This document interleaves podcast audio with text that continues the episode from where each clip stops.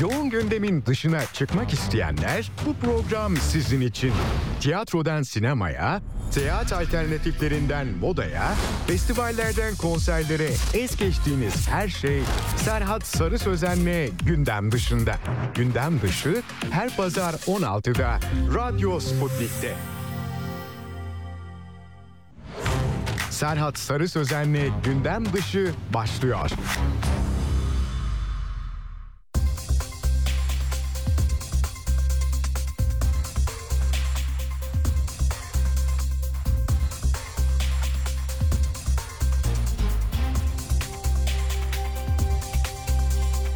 Gündem dışından merhabalar. 16 haberlerini aldıktan sonra haber merkezinden canlı yayınla programımıza başlıyoruz. Bu hafta e, programın ilk kısmında e, Fırat Devecioğlu stüdyo konuğumuz olacak ve Tanrı oyuncağını konuşacağız.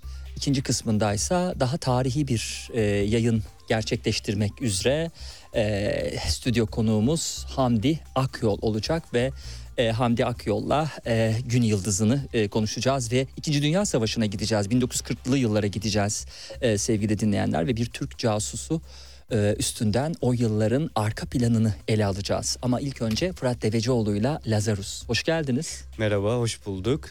E, üçüncü kitap, e, üçüncü yayın. Üçer evet. yılda bir bizim stüdyomuza geliyorsunuz. Her seferinde de stüdyoyu başka yerlere taşıyoruz. Üç yıl sonra acaba nerede olacağız ve siz ne yazacaksınız diye merak ediyorum şimdiden işin açığı. Evet vallahi her seferinde birbirinden güzel yerlere taşınıyorsunuz. Ben de mutlu oluyorum sizleri gördüğüm için. Biz de öyle karşılıklı duygularımız.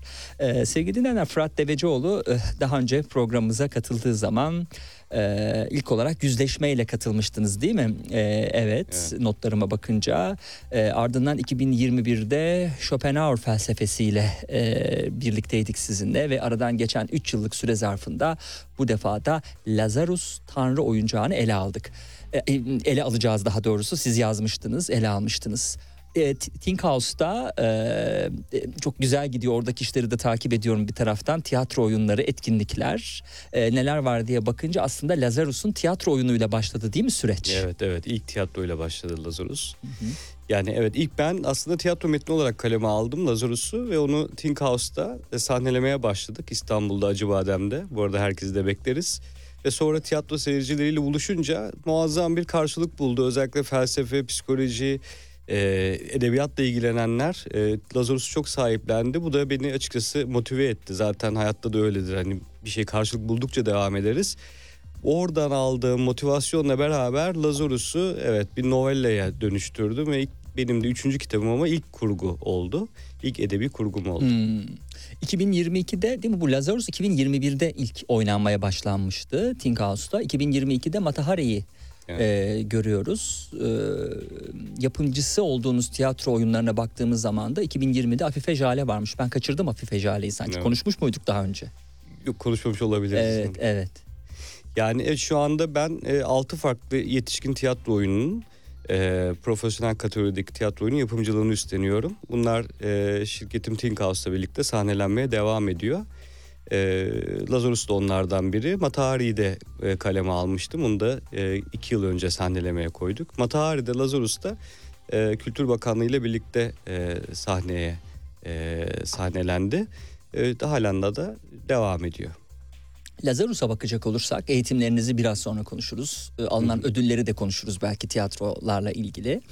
Ee, yeniden doğuş ve değişimin 2000'lik 2000 yıllık hikayesi aslında değil mi bu? Hı hı. Ee, ana karakter sıradan bir fotokopici. Ee, kendi içindeki karanlıkla yüzleşen bir katil olma yolculuğunu aslında anlatıyorsunuz. Bu süreç hastanede geçirdiği dönem ve arada yaşadığı olaylar aracılığıyla okuyucuya anlatılıyor.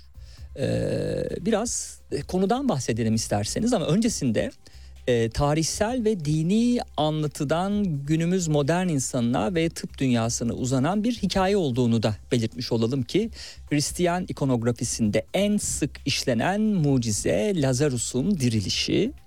ölen kişinin yeniden doğrulmasını ve hareketlenişini ifade etmek amacıyla Lazarus refleksi olarak da tıp literatürüne girmiş bir kavram.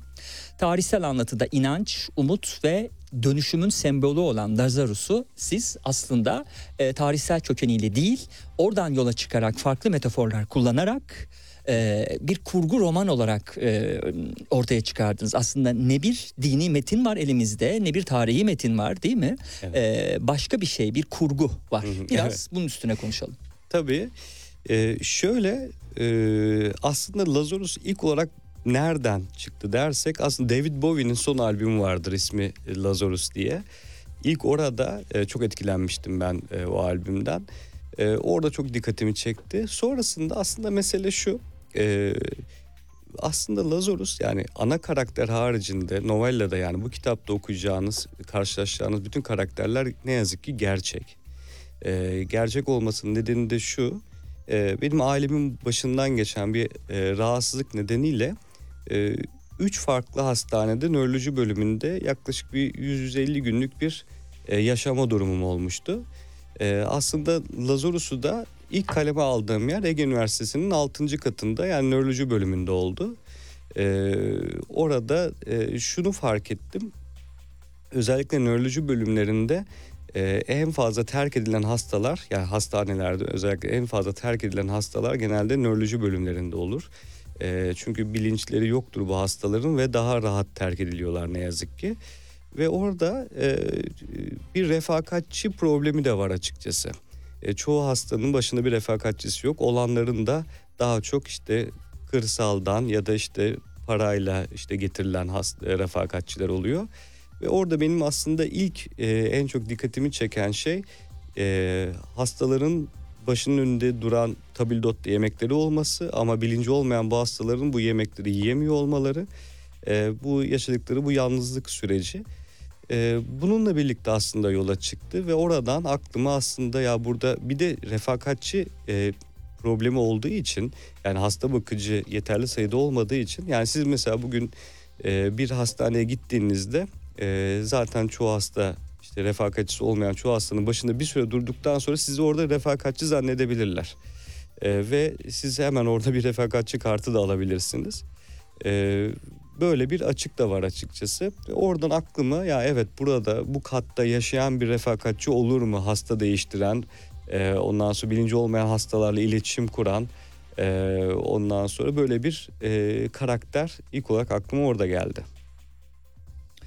E, kitaba baktığımız zaman aslında tarihi Lazarus e, ismini hı hı. veren karakter e, dört gün sonra diriliyor değil mi? Öldükten dört gün sonra dirilmiş evet. oluyor e, ve hayata yeni bir başlangıç yapıyor. Hristiyan anlatısında karşımıza çıkan karakterden e, söz ediyoruz. Ee, tabii ki sevgili dinler bunlar gerçek yani gerçektir değildir o kısım çok da bizim programımızın konusu değil gerçek değil diyerek şimdi şey yapmış olmayayım söylemiş olmayayım.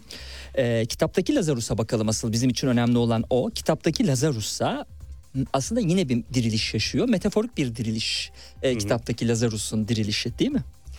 Tabii yani e, şimdi e, şimdi Hazreti İsa'nın bazı mucizeleri vardır. Bunlardan bir tanesi de e, Lazarus adlı e, kişinin öldükten sonra yani dört gün sonra toprak altında onu diriltmesidir. Bunu bu aslında tıp dünyasına da geçmiştir. Bunun ismi de Lazarus efekti deniyor. Yani çoğumuzda da olacak zaten bu.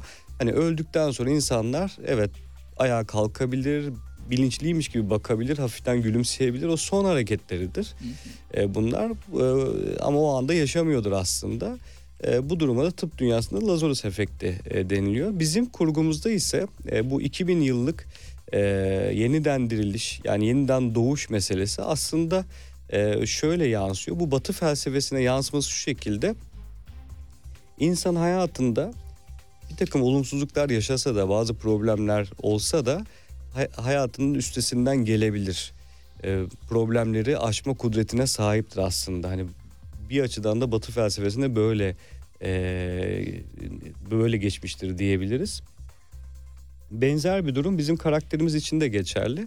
O da e, o da aslında bir tür Lazarus evreninde yaşıyor. Neden? Çünkü bilinci olmayan hastalarla iç içe insanlar ne tam olarak ölmüşler ne tam olarak yaşıyorlar. Tam bir araftalar bir yanıyla da E, bu Lazarus evreninde tekrar bir varoluşunu inceliyoruz kitapta. Ee, siz iktisat mezunusunuz aslında. Sonra felsefe e, alanında lisans eğitimi aldınız. E, yüksek lisans eğitimini bir üniversitede yine hı hı. klinik psikolojiydi değil mi? Yok psikoloji psikoloji e, tamamen artık e, farklı bir disipline e, entegre oldunuz. Evet. E, aslında o disiplinden edindiğiniz yeni akademik e, metinlerle değil mi artık ilerliyorsunuz ve bunu zaten e, Lazarus'ta da görüyorum. E, Young var değil mi onun gölgesinde. Başka kimler var burada hani gölgesini hissettiklerimiz? E, tabii yani içerikte tabii e, aslında biz tiyatro oyunlarında Lazarus'ta e, oyun sonrası söyleşi yapıyoruz. Çünkü e, bazı e, metaforlar kullandığımız için içerikte, tekste e, oyun sonrası söyleşilerde daha detaylı bunları konuşuyoruz tiyatro seyircileriyle. E, tabii karakter enteresan bir karakter buradaki. E, amacı uğruna bir takım e, işte felsefi ekolleri ya da kişileri aslında amacı uğruna kullanabiliyor. Çünkü karakter bir üniversitenin içerisindeki bir fotokopici. Yani bir yanıyla da e, bilgisi var ama derinlikli bir bilgisi yok o var olan yüzeysel bilgisini de amaçları uğruna kullanıyor. Mesela insanları öldürürken kullanabiliyor, insanlarla iletişim sürecinde kullanabiliyor. Ee, ya da yaptığı bir şeyi mesela dönüyor bir anda Schopenhauer'ına atıfta bulunuyor. Niye? Bir üniversitede aslında fotokopi çektiği için Schopenhauer'la ilgili bir kısmı okumuş oradan ve diyor ki işte bu Übermensch böyle bir şeydir. Yani üst insan böyle bir şeydir falan diyerek aslında yaptığı eylemlere bir yanıyla da gerekçe buluyor. E, benzer bir durum tabii Freud'un çok fazla etkisi var. Yani benim e, şimdi Freud'un aslında düşünce dünyasında ortaya koyduğu en önemli özellikler, en önemli e, hazinelerden bir tanesi de ilkel benlik.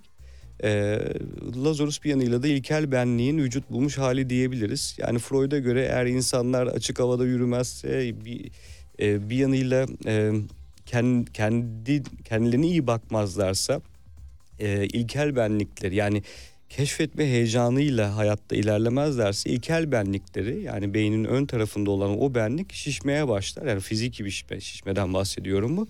Büyümeye başlar. İlkel benlik kontrolü ele aldığı zaman da bireyler konservatif olurlar. Yani yeni düşüncelere, yeni fikirlere kapalı olurlar. Ve genelde de bu insanlar e, tekrar rutinleri seven insanlar olurlar. Bizim karakterimiz de bu şekilde. Yani sabah öğle akşam gelen yemekleri çok seviyor. Çünkü hastanede sürekli her şey tekrar ettiği için e, rutinlerden büyük keyif alıyor.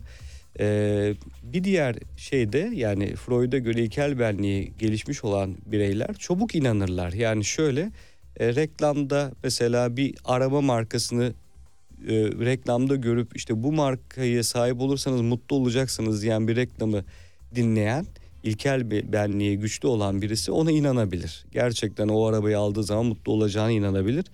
E, çabuk inanma refleksini de getirir bir yandan. Bu şekilde felsefe ve psikolojik öğeleri var e, içeriğin.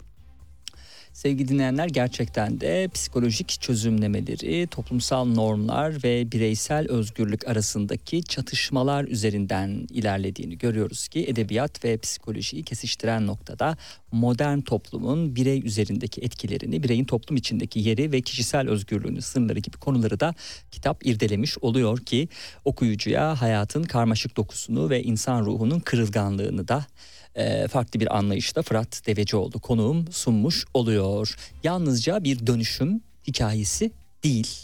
Değil mi? Dönüşümden söz ediyoruz ama aynı zamanda insanın içindeki iyilik ve kötülükle olan sonsuz mücadelesini de e, kitapta yer yer görmüş oluyoruz. Evet yani aslında temelde karakterimizin e, yaşadığı temel problem bir tür tamamlanmamış yaz meselesi. E, hani Lacan'ın bir sözü vardır usulüne göre gömülmeyen her şey hortlar diye. E, bir tür bir tamamlanmamış yaz sürecinde var. Annesini kaybediyor. Fakat annesini kaybettik yani kaybettiği süreçte onun yanında değil son 6 ayında. Yanında olmadığı için bir tür tamamlanmamış yaz süreci olduğu için zihninde annesini yaşatmak istiyor. O yüzden annesine benzer hastaların içerisinde var olarak kendisini bir yanıyla da iyi hissediyor. Bir yanıyla da hatta yani nörolojik problemler yaşayan insanların bu dünyadan ayrılırken öldükten sonraki Lazarus efektlerini de görmesi onda bir tür tatmin duygusuna neden oluyor. Çünkü annesinden beklediği e, fakat şahit olamadığı davranışları bu hastalarda görüyor. Bu nedenle de e, bir yanıyla baktığımız zaman hani e, ölmekte olan ya da ölen insanlarla bir arada olmasının en büyük nedeni işte bu tamam tamamlanamamış şahs meselesi. Yani bu yakın ilişkilerde de böyledir. Biraz daha tatlı bir konuya geçeyim şimdi. Hani birisi bir sevgilimiz vardır işte ayrılırız. Fakat hani bir türlü bitmeyen sevgi ilişkiler vardır böyle bir yılda bir tekrar eden işte böyle Toksik mi? Değil. toksik değil. Yani ben daha tatlı bir pencereden bakmak istedim. Hani böyle Hmm. bir türlü bitmez o. Niye? Çünkü usulüne göre gömülmemiştir o ilişki bir türlü. O yüzden yani e, o Turn the Page diye bir tane şarkısı vardı Hmm. Metallica'nın hani sayfayı çevir. Yani o sayfa bir türlü çevrilmez. Bir yandan hortlamaya devam eder yani. Ee, şimdi siz bunu 2021'de bir tiyatro oyunu olarak da e, kaleme almıştınız, oynanmıştı. E, izleyici ve okuyucu karşılaştırdığı zaman metinleri neler görecek, farklı olarak ne görecek, belki ya da yeni ne görecek diyelim daha doğrusu. Yani açıkçası tiyatro seyircisi Lazarus'u olgunlaştırdı. Özellikle söyleşilere katılan ben buradan her birine de çok teşekkür ediyorum. Söyleşile, söyleşilere katılanlar, e, yaptığı yorumlar, geri dönüşler beni çok besledi. E, metni birazcık daha e, tabii tiyatro metni daha sizi e, sizi sıkılaştırıyor. Çünkü daha az kelimeyle e, hareketler üzerinden bir teksti yazmak durumundasınız. Novella'da ise yani romanda ise e, birazcık daha detaya girebiliyorsunuz. E, benim önerim e, işin tiyatrosu tabii bence farklı ve kitabı diğeri farklı. E, e, zaten Lazarus'u izleyenler de tiyatroda genelde birden fazla izlerler.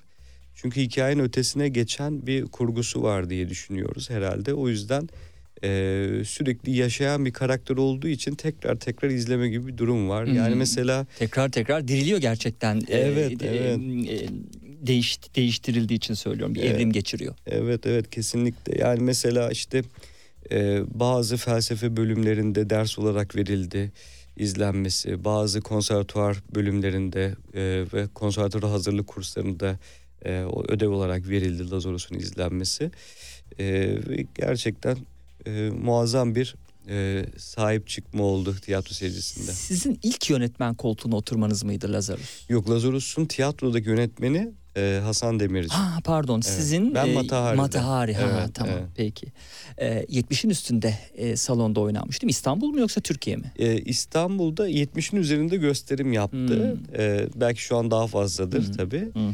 Ee, tabii İstanbul e, şu anda genelde İstanbul'dayız şu an tabii. Evet ödüller de gelmiş e, peşi sıra değil mi?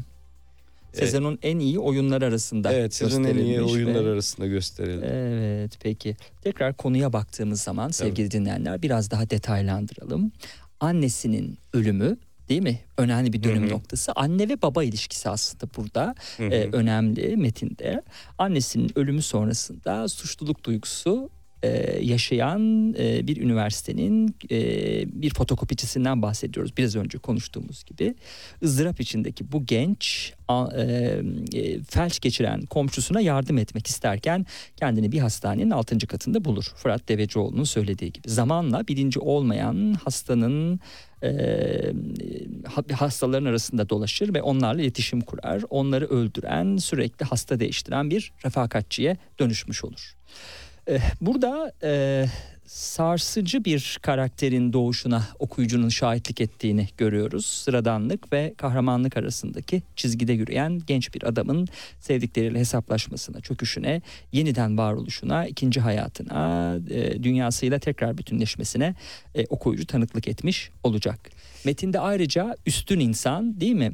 Özgürlüklerden kaçış, temel bağlara dönüş, kolektif bilinç dışı e, ve fırlatılmışlık gibi e, felsefi temalar var. Bu temalar üstünde biraz konuşalım. Tabii yani aslında karakterimiz bu ikinci hayat dediğimiz bu second life'ına doğuyor. Yani hastaneye gitmesiyle beraber o refakatçi kartını takması aslında yeni kimlik kartı yani metaforik olarak. Ee, bu ikinci hayatında hastanede zaten annesine benzeyen hastalar var orada. Orada anne özlemini gideriyor. Ee, onun dışında işte kendi çocukluğu yerine koyduğu bir çocukla tanışması var.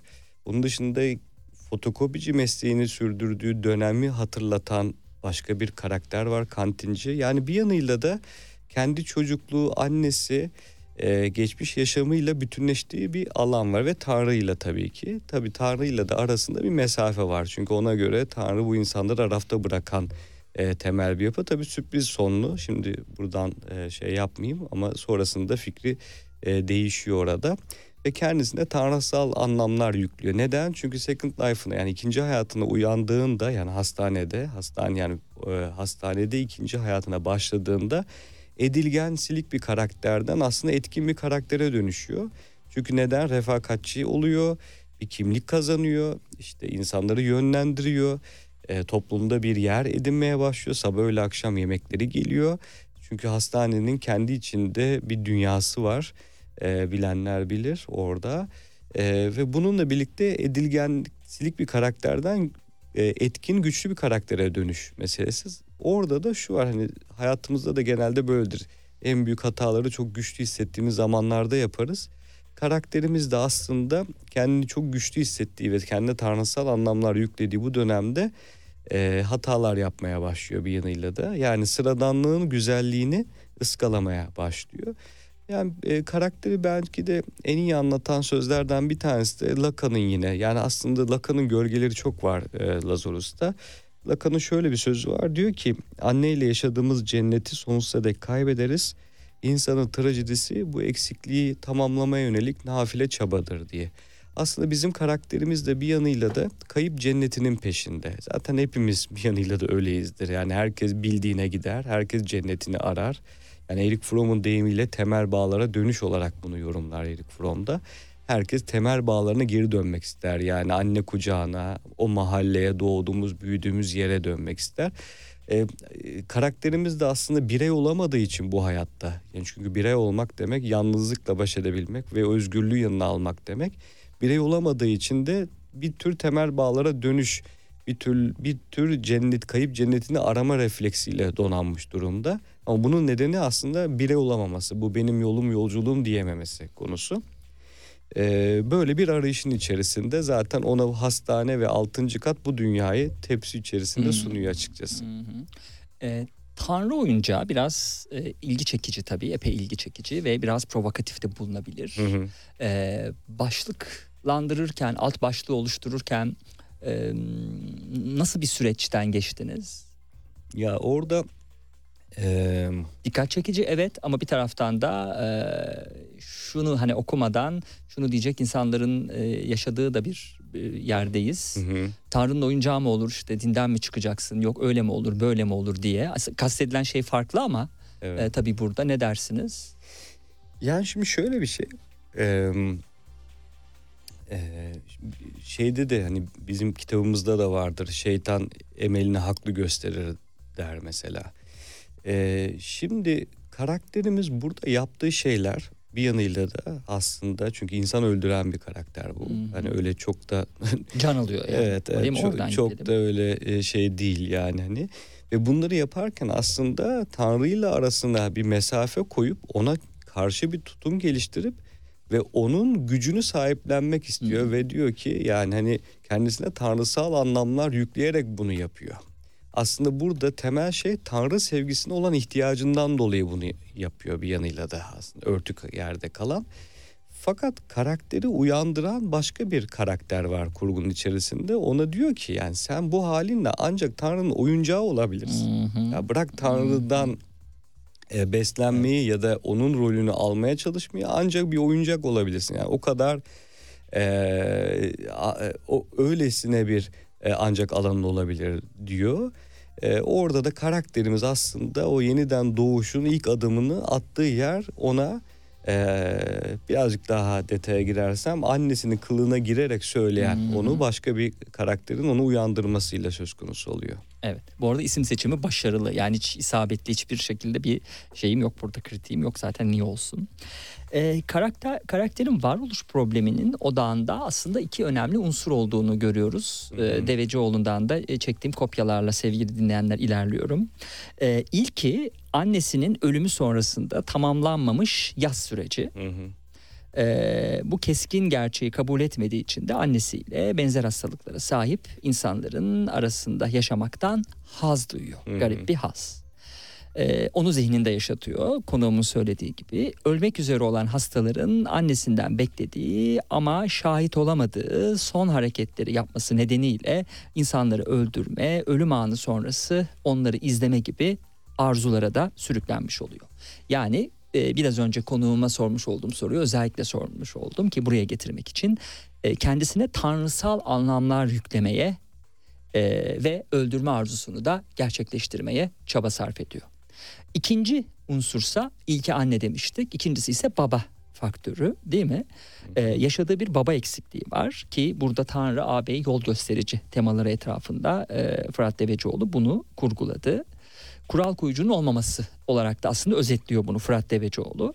Bu durum e, Freud'un da e, belirttiği gibi aslında süper egosunun e, gelişmemesine de neden olmuş oluyor.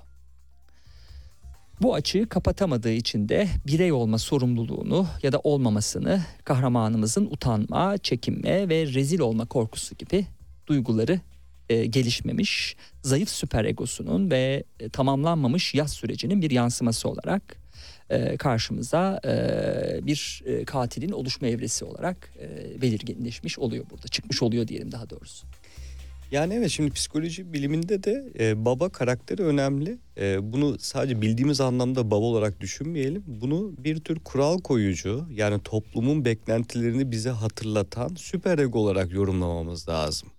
Fakat bizim karakterimiz e, e, yani Lazarus karakteri babası tarafından aile terk edilmiş bir karakter ve baba karakteriyle büyümemiş bir karakter. Yani bir yanıyla da metaforik olarak da süper egosu zayıf. Süper ego ne demek? Toplumun beklentileri, kurallar, yol göstermek. Bir yanıyla da bireyin daha disiplinli olması hayatta demek. Şimdi karakterimiz de süper egodan biraz yoksun olduğu için de e, utanma, çekinme, e, ayıp, işte bana şöyle derler, bana böyle derler gibi duyguları olmadığı için daha rahat hareket edebiliyor. E, ve çıktığı yolculukta evet bir e, katile dönüşmesinde ona ne yazık ki e, destekleyici bir unsur oluyor diyebiliriz. Ama şunu söyleyebilirim. E, biz tabii 2-3 e, yıldır sahnelendiği için çok fazla ve öncesinde de işte psikiyatrlarla, psikologlarla vesaire konuştuk. E, karakterimiz kesinlikle deli değil. Yani hani e, böyle bir e, bir psiko, psikopatolojik bir rahatsızlığı olan birisi değil. Fakat her an delirebilir. Yani sınırlarda dolaşan bir karakter bu. Ee, mesela şu anda delirmiş olabilir ama şu an ben yazdığım sırada delirmemişti. Çünkü neden? Ee, çünkü şuna inanıyorum. Ee, e, ya, işte yaratıcı yazarlığa girmeyeyim ama hani karakteri e, psikolojik rahatsızlığı olan birisi olarak yazmak çok bir yanıyla da kolaycılık aslında. E, çünkü eğer siz e, karaktere şizofreni dediğiniz andan itibaren e, zaten görüyor ve yazar yani işte bir takım halüsinasyonlar görüyor ve bir takım şeyler görüyor deyip yazabilirsiniz. Yani e, ama önemli olan e, karakterin e, psikolojik bir rahatsızlığı olmayan karakterin bu sınırlarda dolaşıyor olması. Yani sokakta bir kişi bağırıyordur diyelim.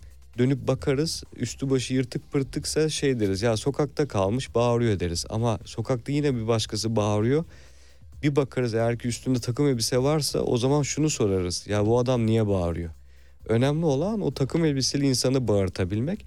E, Lazarus da böyle bir karakter. Evet. Biraz dinlendireceğim sizi. Ee, gelen e, kitaplara bakmadan e, ah, sizin için seçtiğim kitabı vermek istiyorum. Aa, Bazen süper. unutuyorum. E, mitoloji sever misiniz bilmiyorum. Felsefe zaten işiniz hmm. ve çok da seviyorsunuz.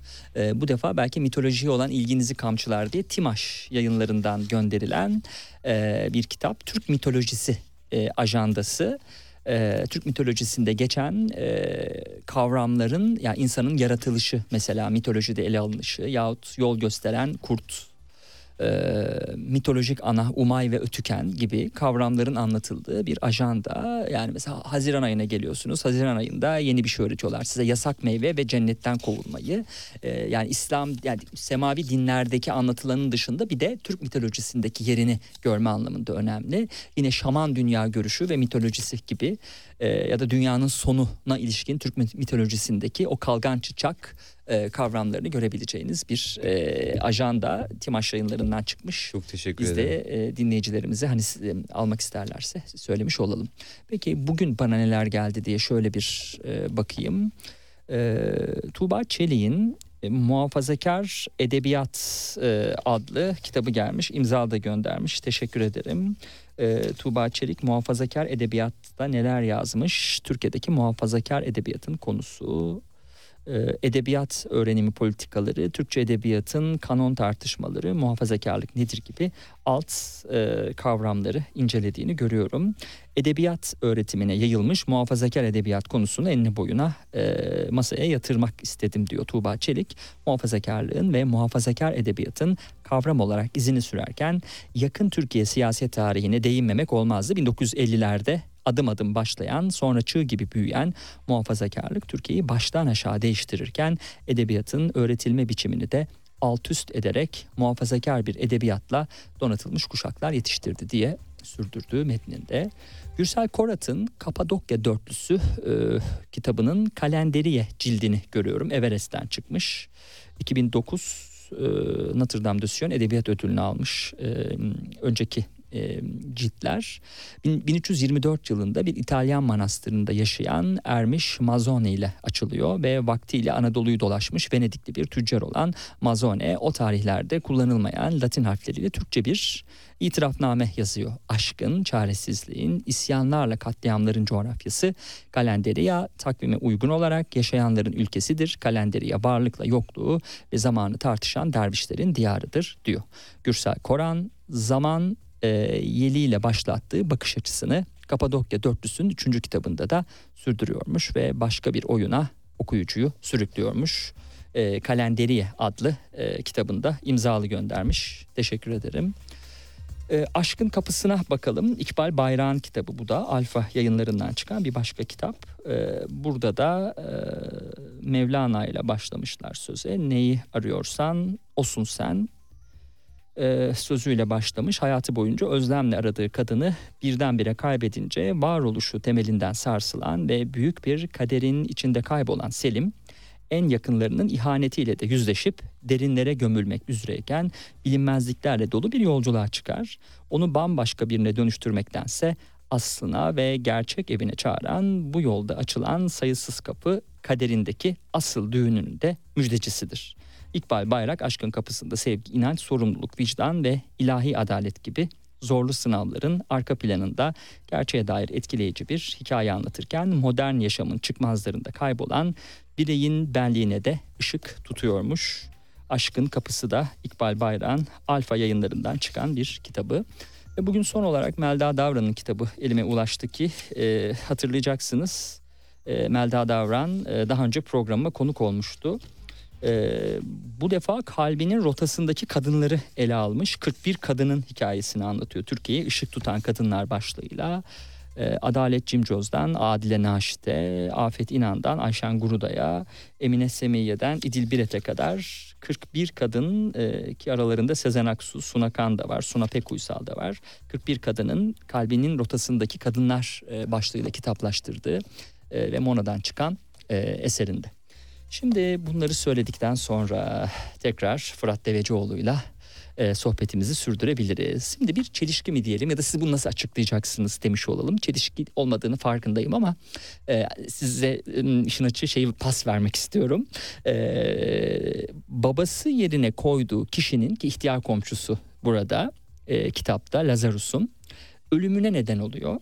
Ölümüne neden olduktan sonra kendini bir katil gibi hissetmiyor. Hı hı. Babası gibi sevdiği kişi ama ölümüne sebep olması fakat katil gibi hissetmemesini nasıl anlatırsınız? Bir de dinleyiciye şunu söyleyelim. Böyle inceden bir haz duygusu da var. Değil mi? Ee, ölümünde. Dolayısıyla buradan sözü size bırakmış olalım. Tabi burada da yani şimdi e, tabi hazır sor, sorduğunuz için açıklamak durumundayım. Şimdi Freud'da bir atıf var. Şimdi Freud'a göre e, bireyler e, hatta e, bir platformda Freud adlı dizide de bu işlenmişti. E, Freud rüyasında babasını öldürmeye çalışıyordu. Freud'a göre içgüdüsel olarak bireyler aslında yani insan an, anneyle bir bütün olarak dünyaya gelir. İnsan doğar, annesiyle bir bütündür. Baba ise öteki kavramıdır. Yani baba aslında bizim bütünlüğümüzü, anneyle olan bütünlüğümüzü ilk bozan e, meseledir. E, bu nedenle de e, Freud'a göre de birey bir yanıyla da içgüdüsü olarak babasını istemez. E, hatta işte Freud işte o dizide de hatta bunu işte rüyasında babasını öldürmeye çalışıyordur vesaire. Şimdi e, Lazarus'un babası da zaten küçükken onu terk etmiş bir e, karakter ve onu e, onun yerine e, bir hastanede yatan bir ihtiyar komşuyu onun yerine koyuyor ve aslında onun ölümü nedeni olduktan sonra ince bir has duymasının nedeni de işte bu Freud'a atıf, atıf diyebiliriz. Ee, yani içgüdüsü olarak aslında babasını öldürme isteğini törpülüyor bir yanıyla da. Evet. Şimdi kitap e, kısa bir novella ama içinde metaforlar e, çok fazla. Bir metaforlar denizi söz konusudur desek yeri değil mi? E, o halde e, şöyle yapalım isterseniz. E, ben e, size e, biraz önce kimlik kartını söylediniz siz. Ne anlama geldiğini ama kitapta geçen kavramları size ileteyim. Siz de bunları metaforik olarak e, hangi anlamlara geldiğini söyleyin. E, tabii size de şunu demek istiyorum sevgili dinleyenler. Kitap e, bir novella olduğu için e, hızlıca okuyabileceğiniz bir metin gibi düşünebilirsiniz. Ama e, şimdi altından hangi kavramlar çıkacak acaba? Tadını kaçırmış olur muyuz? Yok. Sanmam yani, değil mi? Yani çünkü nasıl ele aldığınız önemli Hı hı. bunu. E, kitabın tadı kaçmaması e, koşuluyla o, o halde yazarımızdan da e, uygun görüş aldı. Mesela refakatçi kartı kitapta öylesine geçen bir kavram ama bunun altında yatan metafor nedir? Biraz önce söylemiştiniz ama biraz daha detaylandırmış Ya, olalım diye ikinci sordum. e, ikinci hayatına yani üniversitenin o 6. katında nöroloji bölümünde başla, başlanan yeni hayatına aslında bir giriş kimlik kartı. Yani bizim şu anda hepimizin nüfus cüzdanları var. Lazarus'un da nüfus cüzdanı, yeni nüfus cüzdanı refakat çıkardı. Evet. İhtiyar komşuyu konuştuk zaten. Lazarus'un e, sevgi yoksunluğu, baba özlemini Hı hı. e, anlatıyor. E, fırlatılmışlık desek kitaptaki. Ee, şimdi felsefi bir meselede fırlatılmıştık. Özellikle varoluşu felsefe inceler. İnsan dünyaya gelmez. Çünkü şöyle demiyoruz. Anne baba ben geliyorum hazır olun falan diye demiyoruz.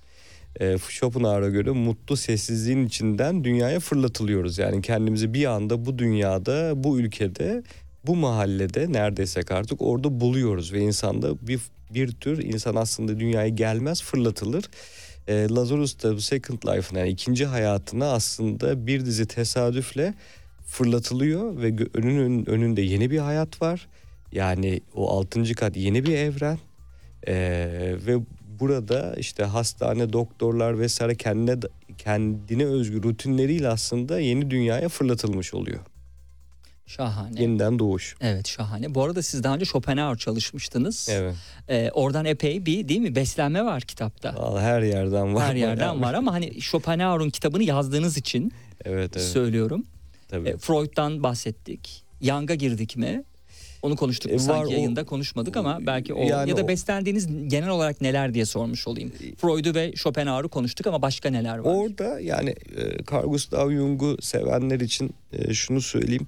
Kitapta acil serviste bekleyen bir yaşlı kadın var. E, o tamamen Jungian felsefenin vücut bulmuş halidir. O yani engin insanlık mirasını e, temsil ediyor bir yanıyla da. E, bunu da söylemiş olayım. O acil servisteki yaşlı kadın aslında Jung felsefesinin vücut bulmuş hali. Evet. Hasta çocuk değil mi? Aslında bakılınca hasta bir çocuk gibi görülüyor ama onun altında neler var? Ya. Felsefeciler böyle sevgili dinleyenler. Hasta çocuk diye e, üstünden geçer gideriz ama bakın ne anlamlar yüklenmiş olacak. Bu arada tabii edebiyat ve psikoloji, felsefe birleştiği zaman ben e, birazcık korkuyorum. Çünkü e, işin altından çok şey çıkıyor. Yani küçük çocuk deyip geçtiğimiz şey bakın neymiş? Buyurun. Küçük çocuk aslında Lazarus'un kendi çocukluğu. Yani çünkü çocuk e, e, saçları olmayan e, ağır bir hastalıkla mücadele eden bir çocuk var. Bu arada ben bu çocukla tanıştım zaten dediğim gibi bütün karakterler ger- Gerçek. gerçek, olduğu Lazarus için. dışında. Evet. Keşke Lazarus da gerçek olsa. Yok Lazarus gerçek değil. yani orada e, bir O gün- zaman kurgu olmazdı tabii. Evet yani yatan hastalar genelde sabaha karşı işte tomografiye vesaire alınırlar. Bir gün öyle sabaha karşı 3-4 gibi işte eksi 3. katta tomografiye gittiğimizde orada beklerken E, cihazın içerisinden, tomografi cihazın içerisinden küçük bir çocuk indi. E, bu aynen karakteri de yazdım zaten. Saçları olmayan bir çocuk ve çocuk esirgemeden geldiğini öğrendim. Hiç ailesi yoktu yanında. E, beyninde bir tümörle mücadele ediyordu ve ölmesi beklenen bir çocuk olduğunu söylediler. Ee, aslında ben Lazarus'un ilk notunu da yani cep telefonumu o sırada almışım. Ee, yani o, o çocukla beraber almışım. Aslında karakter bu çocukla kendi çocukluğunu eşleştiriyor. Çünkü kendi de sevgi yoksunluğu ve yalnız bir çocukluk geçiriyor. Ee, orada gördüğü aslında çocuk kendi çocukluğu. Sıska kantincinin de altından bir şeyler çıkacak değil mi? Mesajlar var. Her birisi aslında evet, evet. E, anlam yüklememiz gereken metaforlar. Kıska, sıska kantinci. Şimdi hastanelerde bir kantinci olur. Gözün önünden bir sürü hayat hikayeleri gelir geçer. Hı-hı. Ama o işte çikolata, gofret, sakız satar, işte hasta bezi satar. Ee, bütün bu hikayelere uzaktan bakar aslında. Şimdi bu Sıska kantincinin varoluşuyla aslında Lazarus'un kendi üniversitedeki fotokopici halini görüyor Sıska kantincide.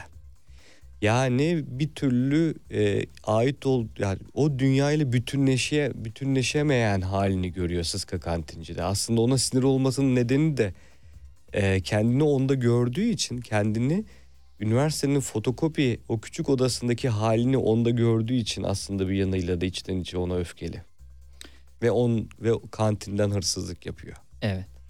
Ee, Yang'a bağlıyoruz değil mi? Acil servisteki yaşlı kadını. Evet. evet. Bu arada oyunda e, kaç karakter var? Oyun tek kişilik. Tek kişilik tek kişiyle evet. muazzam bir yani Hı-hı. Hasan Demirci oynuyor ona Hı-hı. hayat veriyor. Hı-hı. Ee, bütün çünkü bu karakterleri... Tek olduğunu başta hatırladım ama sonra acaba çünkü oyun da evrim geçirdi dediniz ya. Evet. Acaba bu karakterlerin hepsi eklenmiş olabilir mi diye de düşündüm bir taraftan yani, değil. Tek kişilik bu oyun. Yani evet. ben tabii metni yazdım onu e, yönetmen e, işte yönetmen yorumuyla sahneledi ve tek kişilik bir oyun olarak karşımıza çıktı. Bütün bu karakterleri ama e, Hasan Demirci zaten bize hissettiriyor. Hı hı acil servisteki yaşlı kadın dedik. Evet yani ben de evet acil serviste sürekli kalorifer peteğine dayanmış ve içeri girip çıkanları izleyen bir kadın var ve o kadın aslında e, zamansızlık boyutunda işte ilk başta bahsettiğim gibi Jung'un bu kolektif bilinç dışı dediği bir mesele vardır. Yani engin insanlık mirasının bir bütün olarak durduğunu ve bizim de aslında kolektif bilinç dışından dünyaya fırlatıldığımız ya da öldükten sonra da kolektif bilinç dışına tekrar geri döneceğimiz meselesi. Bu karakterde aslında bu Jung'un kolektif bilinç dışı dediği kavramı temsil ediyor. Evet tabii e, Fırat Devecioğlu'nun dediği gibi e, karakterler e, gerçek e, karakterler Lazarus dışında ama belki de Lazarus sizin bir devlet hastanesinde ya da bir özel hastanede karşılaştığınız bir fotokopici yahut bir hasta bakıcı, bir hemşire, bir doktor olabilir peki hala sevgili dinleyenler. Değil mi? Olabilir. Kitap e, deist bir e, biçimde ilerliyor. E, Fırat Devecioğlu'nun da hem kitabından hem notlardan e, edindiğim kopyalarla sevgili dinleyenler ilerliyorum. E, deist bir biçimde kaleme alınmış ama ee, evet. Sonra burada bir değişiklik olacak mı kitabın sonuna doğru? Yani ilk tabii okumaya başladıkları zaman e, e, deist bir e, e, bakış açısı görüyoruz. E, fakat orada nedir o? Yani Tanrı var ama bizimle ilgilenmiyor konusu. Yani Tanrı var evet biz yaratıldık bütün bu varoluş onun eseri ama biz onun yani e, onun ilgisini çekmeyen çocuklarıyız bir yanıyla da. E, sonrasında kitabın işte sürpriz sonunda bu düşüncesi e, farklı bir boyuta evriliyor. Yani şöyle bir şey yani karakterin fotokopici olması da çok enteresan. E, çünkü karakterimiz bir türlü sürekli üst benlikler oluşturarak e, bir tür e, gerçek dışı kendince bir takım algılar üretiyor. Aynen bir fotokopici gibi. Yani bir fotokopi ne yapar fotokopici? Elinde orijinal evraklar vardır ama onun fotokopilerini, sahtelerini üretir. Karakterimiz de öyle. Orijinal olarak hayatı düşünürsek, gerçek olarak hayatı düşünürsek gerçek üstü yani fotokopi çekerek gerçek üstü kurgular üretiyor ve yaptıklarında e, bir zemin oluşturuyor açıkçası. Ben e, notlarda hem yayın evine verdiğiniz e, notlarda ve diğer bütün notları incelediğimde nörolojiyle ilgili bir şey görmedim. Yani onun temsil ettiği e, şey hani özel bir seçim, bir nöroloji kliniğinin seçilmesindeki özel seçim nedir? Var mı? Ya onun nedeni hani e, şöyle işte yani e, benim ailemin başından geçen bir hastalık vardı ve bunun sağ olun bu nedenle bir 150 gün kadar 3 farklı hastanede yaşamak zorunda kaldık ve bu nörolojik, nörolojik bir problemdi. Ee, bununla ilk Metafor yok yazarla olan ilişkisinden dolayı nöroloji. yani o, nör- orada nöroloji bölümünde yattığımız için orada yaşadığımız için e, kitap da orada oluştu. Peki. Ee, sizin bundan sonraki plan ne? Hem Think House için sormuş olayım. Oyunlar. Başka bir şey gelecek mi oyun dışında ve e, yazınsal anlamda başka ne var planlarda? Ya Allah Serhat Bey bende plan yoktur hiçbir zaman. evet yani bende plan yok şu anda bilmiyorum. Ee, Sürpriz. Ama yani mesela şöyle şeyler var. Mesela tiyatroda biraz biraz böyle bir yen altından notlara döndük açıkçası. Ee, en son işte Deniz Kelly'nin Sondan Sonra adlı oyunun haklarını aldık ve onu sahneliyoruz. İşte Lazarus var, e, Beste Niger Yokuş var bir polisiye. Ee, seyircilerimizin de isteği biraz komedi Hmm. türünde bir şeyler yapmamız. Şu anda o metinleri arıyoruz. Hmm. Ee, böyle Daha bir arayış metin aşamasında. Evet. Aklınızda bir şey var mı? Hani şunu şu şekilde bir, bir komedi olsun diye. Yok gelen metinlere bakıyoruz şu anda sadece Hmm. ama göndermek isteyenlere e, olursa çok mutlu olurum. E, komedi tarzında bir oyun arayışımız var Think House'da. Yani yedinci oyun olarak o var. Bunun dışında benim şu an yazmak devam ettiğim bir roman var. O daha Hmm. önceden başladı. Hmm. O ne anlatıyor? ediyor. Novella mı yine no- roman mı? Yok bu bu sefer roman biraz Hmm. daha uzun ama tabii değişebilir bir anda. Stephen Zweig'ın şey kuralı varmış. Beşe bir kuralı yani 500 sayfa yazıp 100 sayfa yayınlıyor ya da 1000 sayfa yazıp 200 sayfa yayınlar. Ee, aslında Lazarus da öyle oldu. Daha fazla yazmıştım ama sadeleşerek bugüne geldi. Bence Zweig e, burada biraz uydurmuş gibi geldi. Az yazmasını bu şekilde gizemli bir havaya katmış olabilir. ama Zweig tabii novella türünün kurucusu. Ee, ondan sonra edebiyatta sadeleşmekten yana. Olsun niye kurmuş ki?